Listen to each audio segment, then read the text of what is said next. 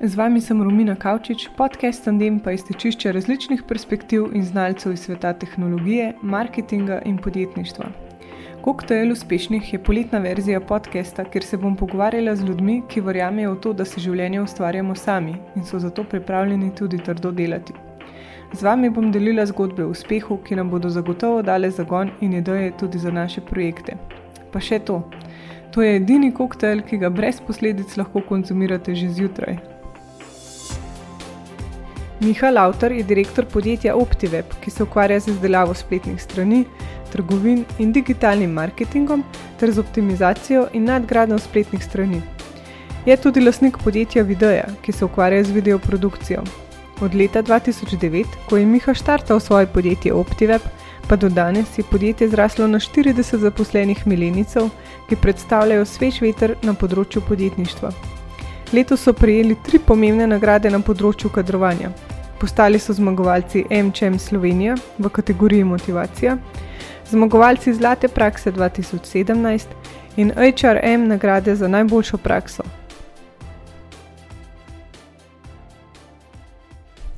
Živijo Miha v podkastu Pontandem. Um, najbolj, da začnemo kar tam, kjer se je pač poslovna pot tvoja začela. Um, pa mogoče lahko tudi poveš, kaj je OptiWeb danes in kaj se je vse spremenilo od začetka. E, zdravo, Romina, hvala za povabilo. Ja, spremenil se je res ogromen. Od tega, da sem začel samo z optimizacijo, pa kot nek mulj pri 19 letih, in potem skozi vse žive faze, in trenutno nas je že okrog 40 in delamo celoten digital, se pravi od same izdelave spletne strani oziroma trgovine, pa potem do samega marketinga, se pravi tako širok spekter storitev. In trudimo se, da je v bistvu za vsako storitev, da imamo specializirane ljudi, ki znajo tisto stvar najboljše, kar se da, in da v bistvu na našem znanju pol temelji celotna storitev, in da se od tega tudi čim bolj razlikujemo in čim damo v bistvu strankam čim večjo dodano vrednost. Mhm. S čim se pa ti največ ukvarjaš, namreč, pač, kot si omenil, imate kar dosti projektov, um, pa dosti ljudi za menedžerirati, pa me zanima, zdaj se vsak projekt otakneš, če po domači rečem, ali imaš ti overall strategijo čez pa to.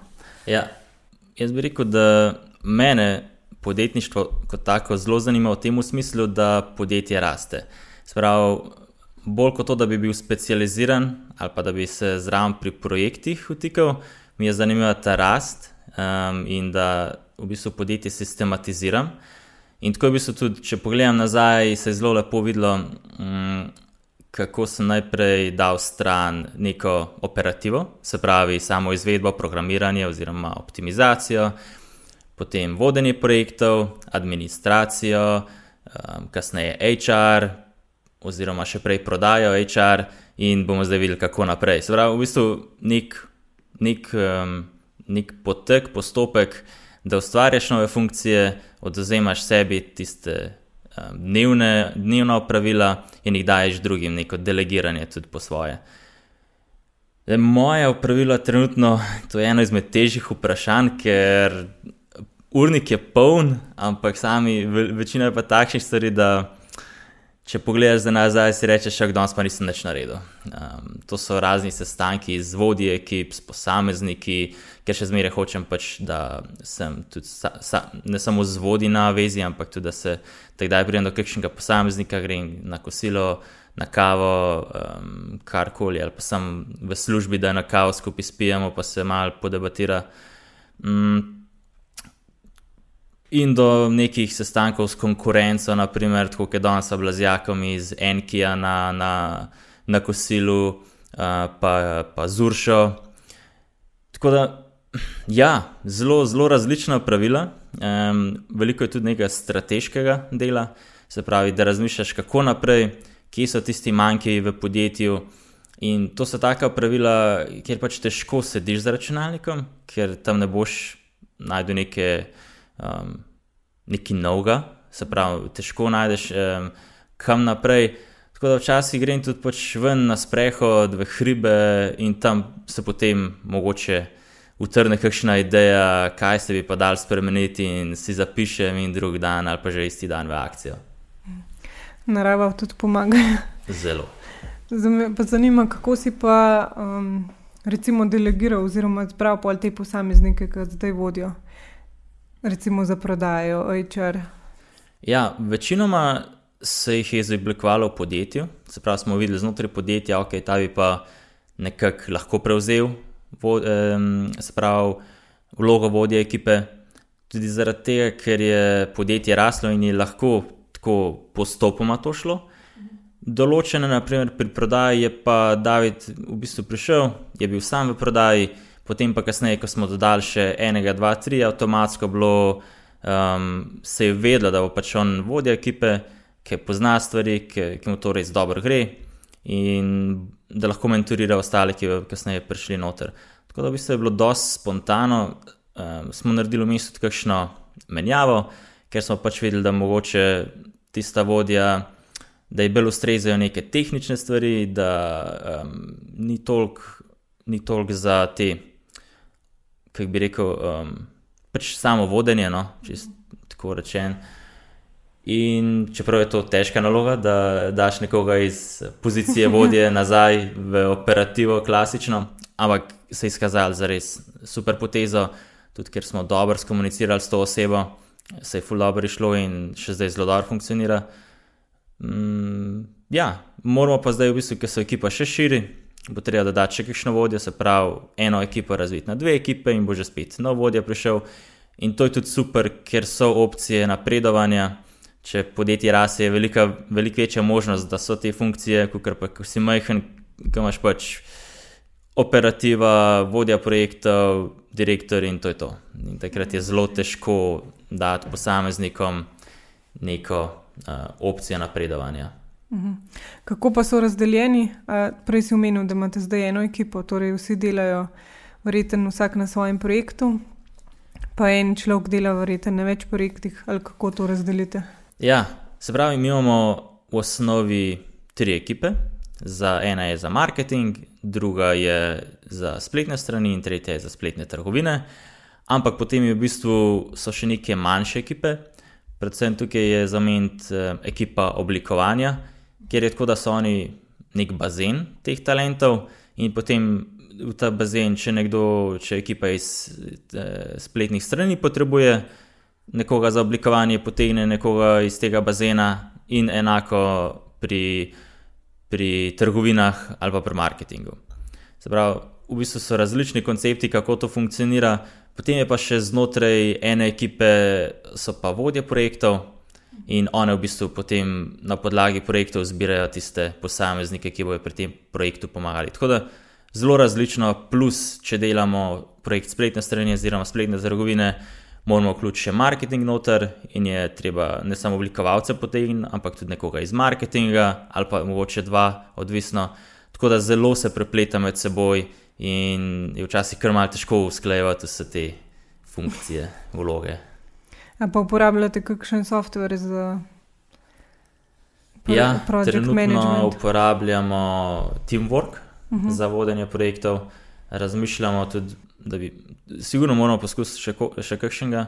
Um, zdaj le trenutno imamo v planu Productive od Infinuma. Um, je tudi s Tamara smo dosti kolegi in vem, da če ona priporoča, da zadeva mora kar dobro funkcionirati. Plus danes, ker sem bil z Uršo Mivšek na, na kavi, tudi ona rekla, da ga uporablja, tako da to sigurno treba testirati. Smo ga že, ampak takrat, um, tak, to je bilo že 4-5 let nazaj. Um, potem za prodajo imamo Pipedrive, Slack za interno komunikacijo, zelo uporaben. Potem. Um, torej, tudi znotraj firme, kljub temu, da ste v isti pač sobi, oziroma niso vsi v isti sobi, ampak v isti stavbi, uporabljate Slack, da se ljudje ne motijo med sabo. Zelo velik, ja. ker enostavno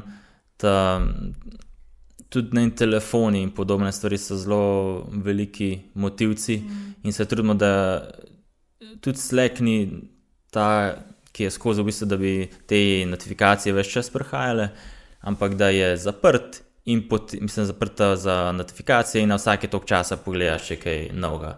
Mm.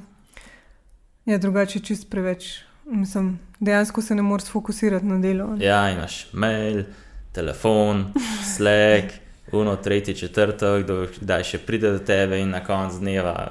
Ja. Je 8 ur šlo pač nekam. Ja, tako je. Tako da tukaj se mi zdi vsak posebno, je zelo pomembno, da najde optimalno pot za njega, ali so to tudi ne, slušalke, tukaj je potem ogromno nekih opcij, ali poslušaš glasbo, klasično, tisto, ki te bo všeč, ali imaš tam neke, neke šume. Tukaj je tudi Noisli, naprimer, ena super aplikacija, da si daš šume, ne vem, morja, gozdove, vetra, uh, Starbucksa, mhm. take variante ker nekaterim pač pomaga, da ni noter glasov oziroma nekih prepoznavnih um, besed. Mhm. Nekaterim je pa to pač vse in lahko delajo tako, kot hočejo. Tako da tukaj je že spet vsak posameznik mora najti svojo optimalno rešitev. Se strinjam. Ja. Zdaj me pa zanima, ti si zelo mlad, pa me zanima, če je bilo to kdaj uvira. Recimo, pač, pri klientih in potem na drugi strani tudi to pri sestavljanju ekipe. Ne? Na začetku je bila sigurno velika, veliki manjko oziroma večja težava to. Se pravi, pri 19-ih te malo ljudi eh, resno jemlje, nekoga, ki je pač pustil faks in se zdaj hoče sam nekaj iti. Ampak potem v bistvu pa skozi te izkušnje um, oziroma skozi dosežke pokažeš, da nekaj pa gre v pravo smer in je vsako leto lažje. No? In ja, tako kot si Fular postavil vprašanje, tudi kar, še, kar se tiče sodelavcev, je bilo na začetku precej drugače, ker si nisem tudi predstavljal, pa si nisem upal, da bi zaposlil nekoga starejšega, ker sem se bal, kakšen bo pač eh, odnos med nama, ali me bo on resno imel, ali ne vem, bom jaz mogoče njega zelo težko komandiral, ker mi to ne bo lagodno. Ampak že spet isto kot pri strankah skozi leta.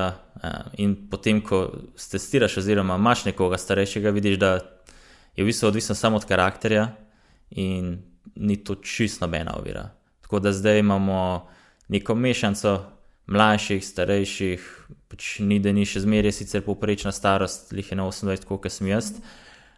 Ampak, zabravim, je pa na 40, na 30 pač zelo različen. In to je meni super. No. Upam, da bomo tudi ta miks obdržali tudi v prihodnje. Mhm. Kako pa poskrbite, um, ko zaposlujete nove, da pač oni pašijo v vašo kulturo, pa tudi na vse zadnje, ki jih zaposlite, kako pa poskrbite, da oni padejo hitro noter? Prvo, kot prvo je, je to, da imamo neko dvodnevno poizkusno dobo, oziroma če grem še nazaj, če korak nazaj, že pri samem intervjuju, se trudimo in da zaupamo našemu šestemu čutu, da je on nekako za našo kulturo. Pa, se... pa to vidite po intervjuju? Ali... Jaz mislim, da. A jim date kakšno nalogo dodatno? Po intervjuju, ja, to bo uh -huh. večino po intervjuju, mogoče po pišnih mailih. To je zelo, se pravi, šesti čut. Potem je pa tiste, ki izberemo, imamo pa še. Um, v bistvu, če smo dokaj prepričani v enega kandidata, za tistega, ki se odločimo, ima dvodnevni preizkus na delovnem mestu, pride za dva dni v ekipo, v kateri je tudi kasneje, dobi neke testne naloge, neke demo naloge.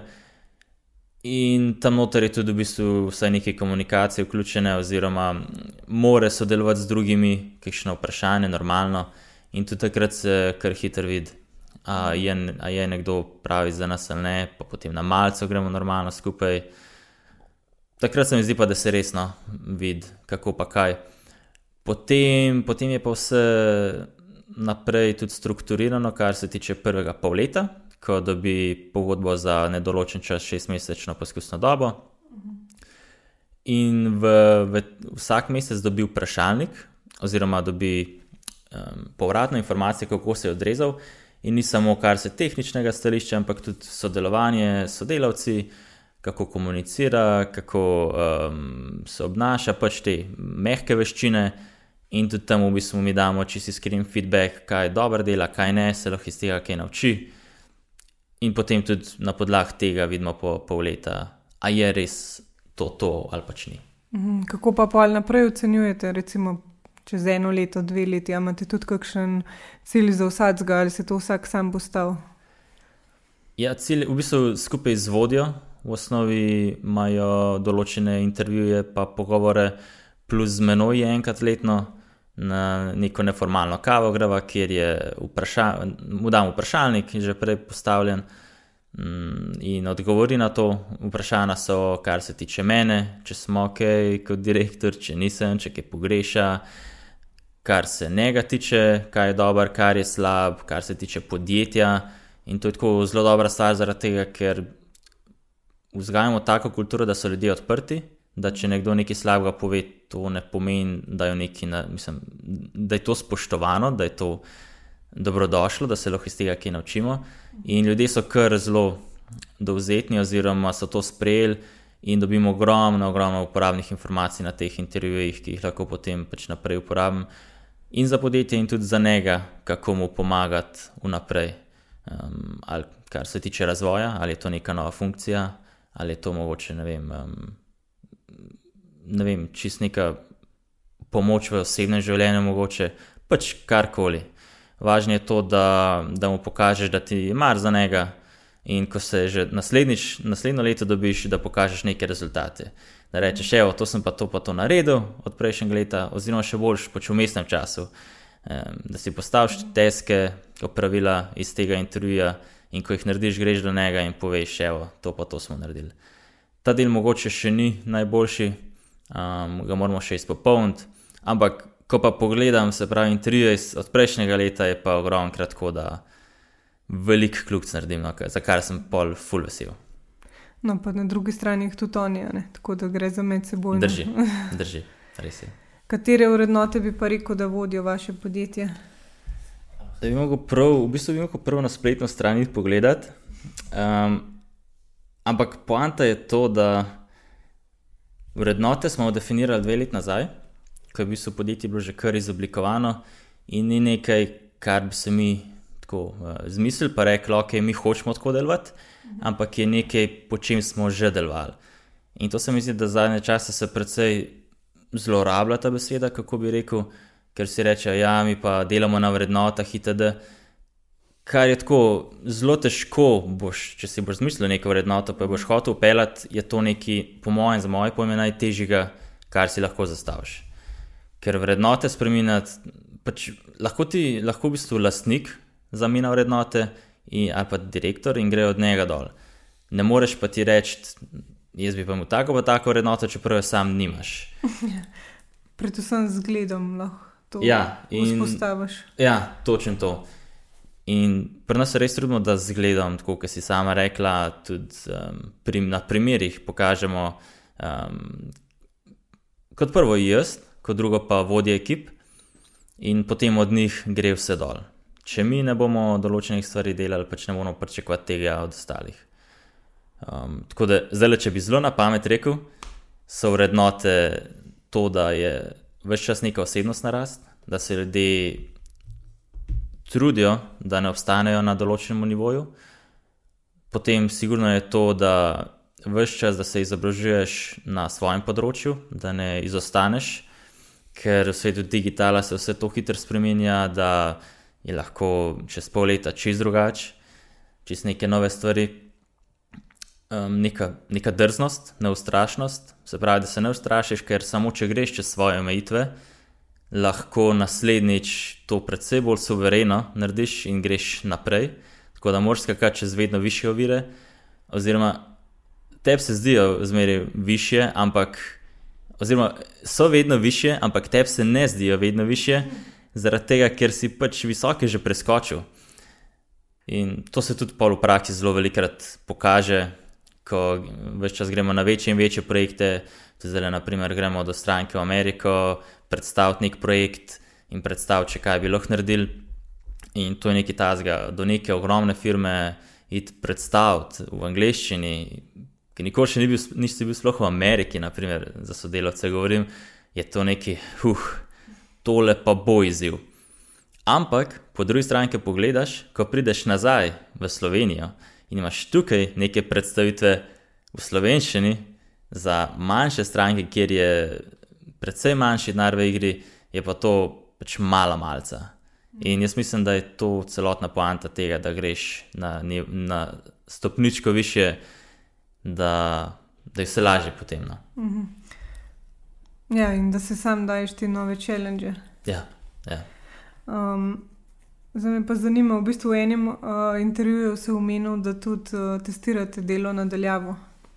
A imate že kakšne nove izsledke, oziroma V če se je bistvu, izkazalo za efektivno?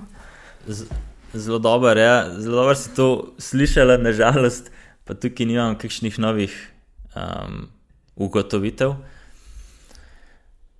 Testirali smo to, to da, oziroma sprašvali smo, če bi ljudje imeli pisarno v Ljubljani, ker mi smo škofiloki, kar je malenkost izven Ljubljana, čeprav se sem sliši izven Ljubljana, ampak roko na srce, velikrat je iz enega konca Ljubljane na drugega časovno precej eh, dalj časa kot do škofiloke, ker je gužva ravno v drugo smer.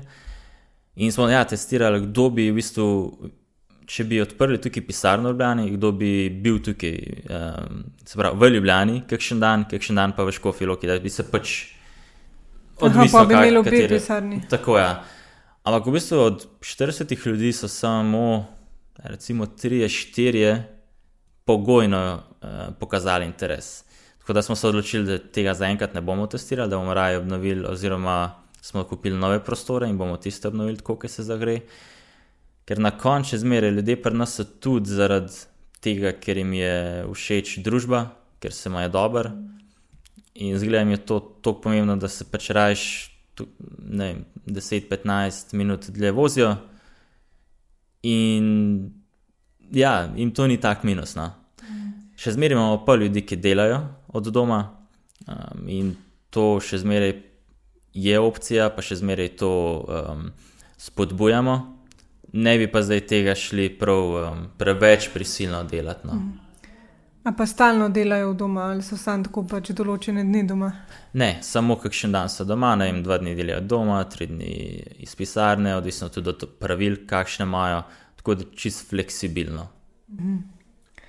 Um, veliko vlagate tudi v izobraževanje mladih, pa letos vem, da ste imeli en projekt, ki ste delali um, spletno stran za neprofitno organizacijo, ki ste jo tudi pač sami izbrali. Povabili ste pa zraven ljudi, oziroma pač praktikante, ali kako bi se Tako izrazili. je. Tako. Pa me zanima, Točno če tako. lahko malo več poveš o tem projektu, ki se mi zdi super inicijativa. Ja, se pravi, pri nas smo letos štartali z prakso, ki smo jo poimenovali Let's Boost. In sicer smo zbrali določene praktikante za oddelek marketinga, oblikovanja in programiranja. In smo razmišljali, v bistvu, kako bi oni lahko naredili nek realen projekt, da ne bi zdaj delali nekih demo projektov, ki bi jih pač potem vrgli stran. Um, realnih projektov, kot taki, kot jih imamo zdaj, pa pač ne morejo delati, ker so preveč zahtevni in tudi ne bi bilo fair do strank. Tako da smo se odločili, da naredimo, da naredimo projekt, kjer pač stranka ne bo plačala, še zmeraj bo pa dobila ok produkt, um, ker mi bomo v bistvu mentoriramo te praktikante, so še zmeraj v narekovajih pod nadzorom. Obenem se pa z tega res ogromno učijo in je čist drugače, kot bi pa delali nekaj za brez veze. Pač imajo na, na koncu nekaj za pokazati, stranka oziroma neka neprofitna organizacija bo vesela, um, mi bomo imeli pač nek case, tako da win-win, totalno. Ja, pa še vidijo v bistvu celoten proces, ne samo to, da vidijo en delček, vem, Ja, samo oblikovalci, samo del oblikovanja. Tako in tudi oni v bistvu sodelujejo med seboj. Celotna ekipa teh praktikantov je lahko med seboj sodelovala in na koncu vidijo neki izdelek. Sicer um, moram priznati, da nismo še dokončali tega, ker se je časovno ni šlo skozi. Je bilo prvič in enostavno tudi nismo vedeli, tudi prepozno smo se to idejo spomnili. Tako da zdaj v bistvu bo sicer ena, ista praktikantka dokončala ta projekt, um, naslednjo rundo bomo pa tako zorganizirali, da bo v bistvu ena ekipa lahko naredila projekt od začetka do konca. Aha. Ja, v bistvu končen cilj je pač objava. Mislim, ste tudi spletno stran sprogramirali, če prav razumem. Tako je, tako. Zdaj je v, v nastajanju. Zdaj, če pa v bistvu gledava za nazaj, oziroma za nazaj in za naprej, si enkrat omenil, da, imate, da ste imeli pač tudi svetovalca. In Zdaj, če pogledaš v svojo prihodnost, se mi zdijo pač svetovalci zelo koristni. Ampak kako sploh poteka ta vzpostavitev zaupanja oziroma glede na to, da ti gledaš iz druge perspektive, on spet iz mm. druge perspektive in seveda tudi znanja, kako se vzpostavi to zaupanje. Po mojem je podobno kot pri zaposlenih. Nekaj je šesti čut, nekaj pa pol dejansko sodelovanje. Težko bi rekel, da je drugače kot tako, da pač greš v to. Um, sigurno ne bi šel pač kar z nekom, ampak tukaj je pomembno um, ozadje njegovo, dobro preštudirati, kaj je naredil, iz kje ima sploh izkušnje, fajn je, da jih ima iz čim bolj podobnega, uh, iz čim bolj podobne panoge. Potem pa, ja, no, mislim, po mojem, tudi prvič, ko smo šli z rokom v sodelovanje, sanjali se, sanjal se nam ni, uh, ker sta bila še dva sodelavca tudi aktivno upeta v to, Anže in Janez, kakšen bo nek rezultat. Ampak tudi oni dva sta bila zelo za to, ker je tudi on tako karizmatičen in zna predstaviti, kaj bi se dali izboljšati na konkreten način. In smo šli in skozi mesece se videli, da pač so napredki, da se premika. In smo enostavno rekli, da ja, ok, gremo, gremo, gremo, in se je to vleklo. Ne vem, tam nekje dve leti smo delali nekaj tazga, kar je kar lepa doba za moje pojme, za njega svetovalca. Tako da tudi zdaj imamo Tina, ki nam pomaga pri določenih stvarih v prihodnosti, pa če sploh če podjetje še zraste, pa mislim, da bo itak treba nek management um, ustanoviti, narediti karkoli, ker nikoli ni dobro, v bistvu, da si pri odločitvah sam. Vse so sodelavci, ampak mogoče včasih pa potrebuješ nekaj popolnoma zunanjega, ki ni aktivno upet v delo. In to je sigurno ena opcija. To sem, to, to, to sem bil tudi zadnjič pri Janezu iz eh, podjetja za vas. Za, um, in tudi on je pač to predlagal kot neko dobro opcijo, in ja, se mi je zdelo zelo, zelo relevantno. No. Mhm. Ja, bom prej si omenil, da greste pač v Ameriko in verjete, nameravate delati več tudi s tujimi um, naročniki. Cilj definitivno je, ker če hočemo še naprej rasti, je to ena edina opcija. Tukaj v Sloveniji pač ni, ni tako velik trg, da bi lahko kar rasli, rasli v nedogled. Sploh, če, če gledam tudi po prometu, ker pri nas, naprimer, čeprav smo agencija, noter v našem prometu ni nekega medijskega zakupa, um, je vse pač um, promet kot tak, smo že kar, za moje pomeno, pri, pri limitu, ampak se nam odpira stvari v tujini, tako da jaz mislim, da se v prek tujine da še marsikaj zanimivega narediti. Tud, je pa tudi, kot sem že prej rekel, no, za sodelavce je fulj zanimiv če so neki novi izzivi, novi projekti in to jih tujina definitivno prinese. Mm. Ja, pa še neka druga kultura. Ne? Ja, ja, ja. ogromno pozitivnih stvari, plus nek dodatni prihodek za Slovenijo, pač ogromno dobrih zadev. Slovensko znanje. Tako je. um, kaj bi pa ti rekel, katera odločitev ti je v bistvu spremenila to karjerno pot ali pa te popeljala na nek drug višji level? Jaz bi rekel to, da če se navežem na to, kar sem prej govoril okrog funkcij, oddajanja funkcij, je to, da sem začel zaupati. Da sem videl, da ja, sej znam tudi sam določene stvari, ampak v vseh teh funkcijah, ki sem jih dal od sebe, nikoli po, naprimer, pol leta si nisem rekel, ah, ta pa slaž dela od mene, bom jaz to nazaj prevzel. Ampak je bilo zmeri kontra. Ta oseba je zmeri bož delala, kot sem jaz ker sem bil zelo paušalen, nisem imel dovolj časa, plus nisem bil strokovnjak na točno tistem do, dotičnem področju. Ta posameznik se pa lahko v njegovo delo popolnoma zatopi in dela tisto stvar, tako kot se zagre, in je to to. Tako da je zaupanje, bi, bi rekel, da je prva stvar. Druga stvar, bi rekel, da je ta, da se je treba eni stvari posvetiti 100 oziroma 110 odstotkov. Večkrat sem že vmes štartal neko drugo, drug projekt, pa tretji, pa četrt, ki se pa navadni so jih najboljš obnesli. Sploh do zdaj, ki je bilo nekaj tako, da sem več čas res ogromno delal. Zdaj le mogoče je malenkost boljš, ker sem pač smo zadeve postavili in vodje ekip, fulor zadeve vodijo naprej. In se bom lahko še druge stvari lotil, ampak prej pa enostavno če si že tako po 10 plus ur v službi, težko zdaj še kar nove stvari sprejemaš. In je treba reči, ne, Miha, vstal se tukaj, zdaj le ne bomo tega delali, ne bomo sprejeli tega posla, ne bom se šel novega biznisa, da je to, da rajš naprej furat. in to je zelo pomembno.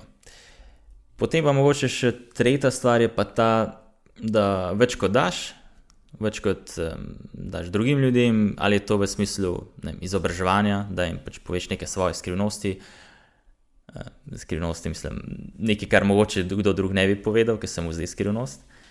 Ali je to samo to, da pomagaš nekomu, pa je lahko čez banalna stvar, ne, da ustaviš na prehodu za pešce, da pomagaš. Ne, enkrat sem imel staro mamo, ki je drž začel sred dneva, sem jo do doma pelil, pa, bila, pa mi je ona polepšala dan. Take čez banalne stvari, ker mislim, da se ti prej ali slej v, v življenju nazaj vrnejo v nekih drugačnih oblikah, ampak predvsej boljših. Pa ja. Se mi zdi, če bi vsi nekako podobno razmišljali, da bi bila zadeva še lahko precej boljša, čeprav že zdaj, se mi zdi, kar urejeno. Ja, bi bil svet še lepši. Tako je. Kaj pa je tvoj najljubši vir znanja? Definitivno ne knjige, ker ne vem, ne vem zakaj, ampak knjige nikoli, nikoli se nisem spravil, pa da se bi res poglobil v knjige.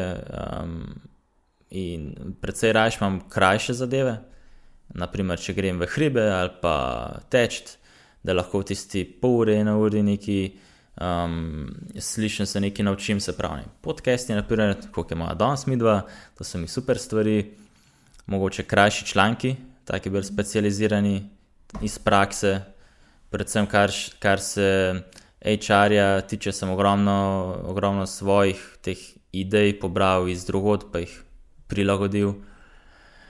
In pa pogovori s konkurenco, naprimer.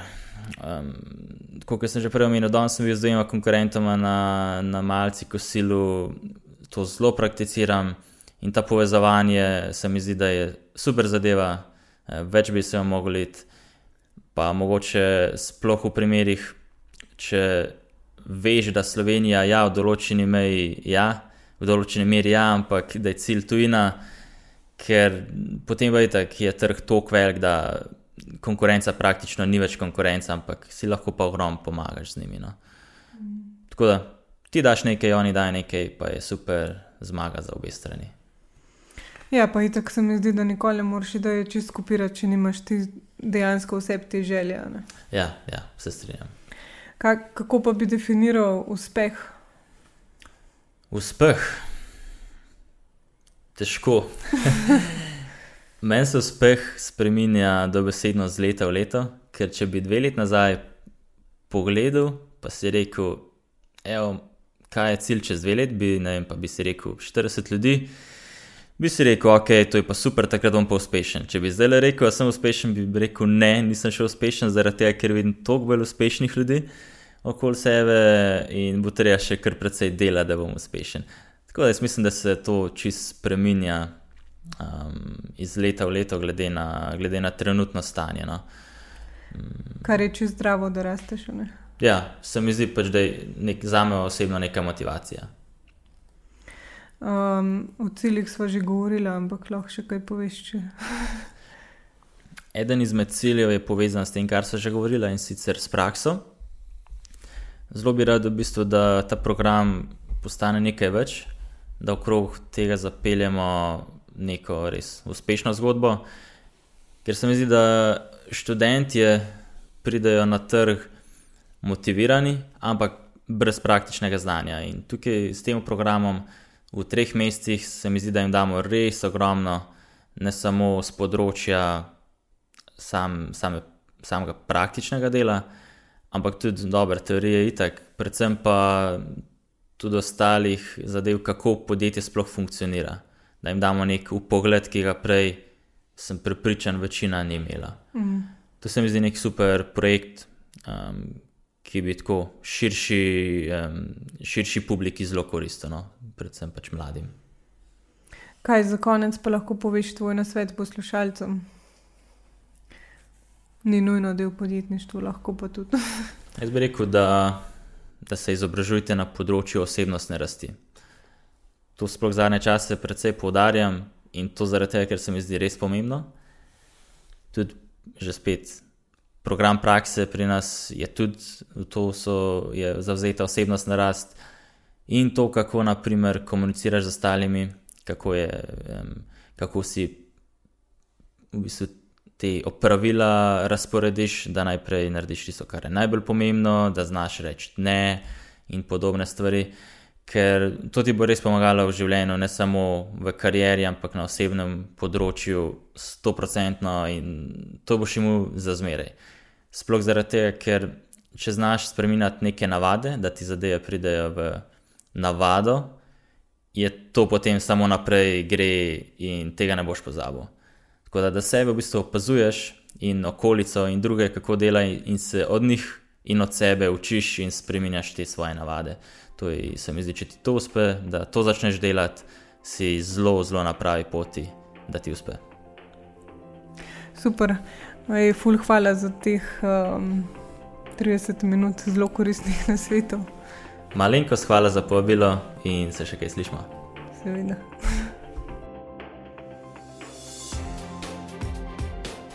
Za konec eh, naj povem še to, da je podcast Tandem neprofiten in samostojen.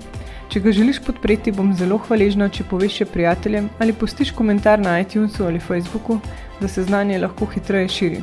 Najlepša hvala. Do naslednjič, hvala za poslušanje in se slišimo k malu.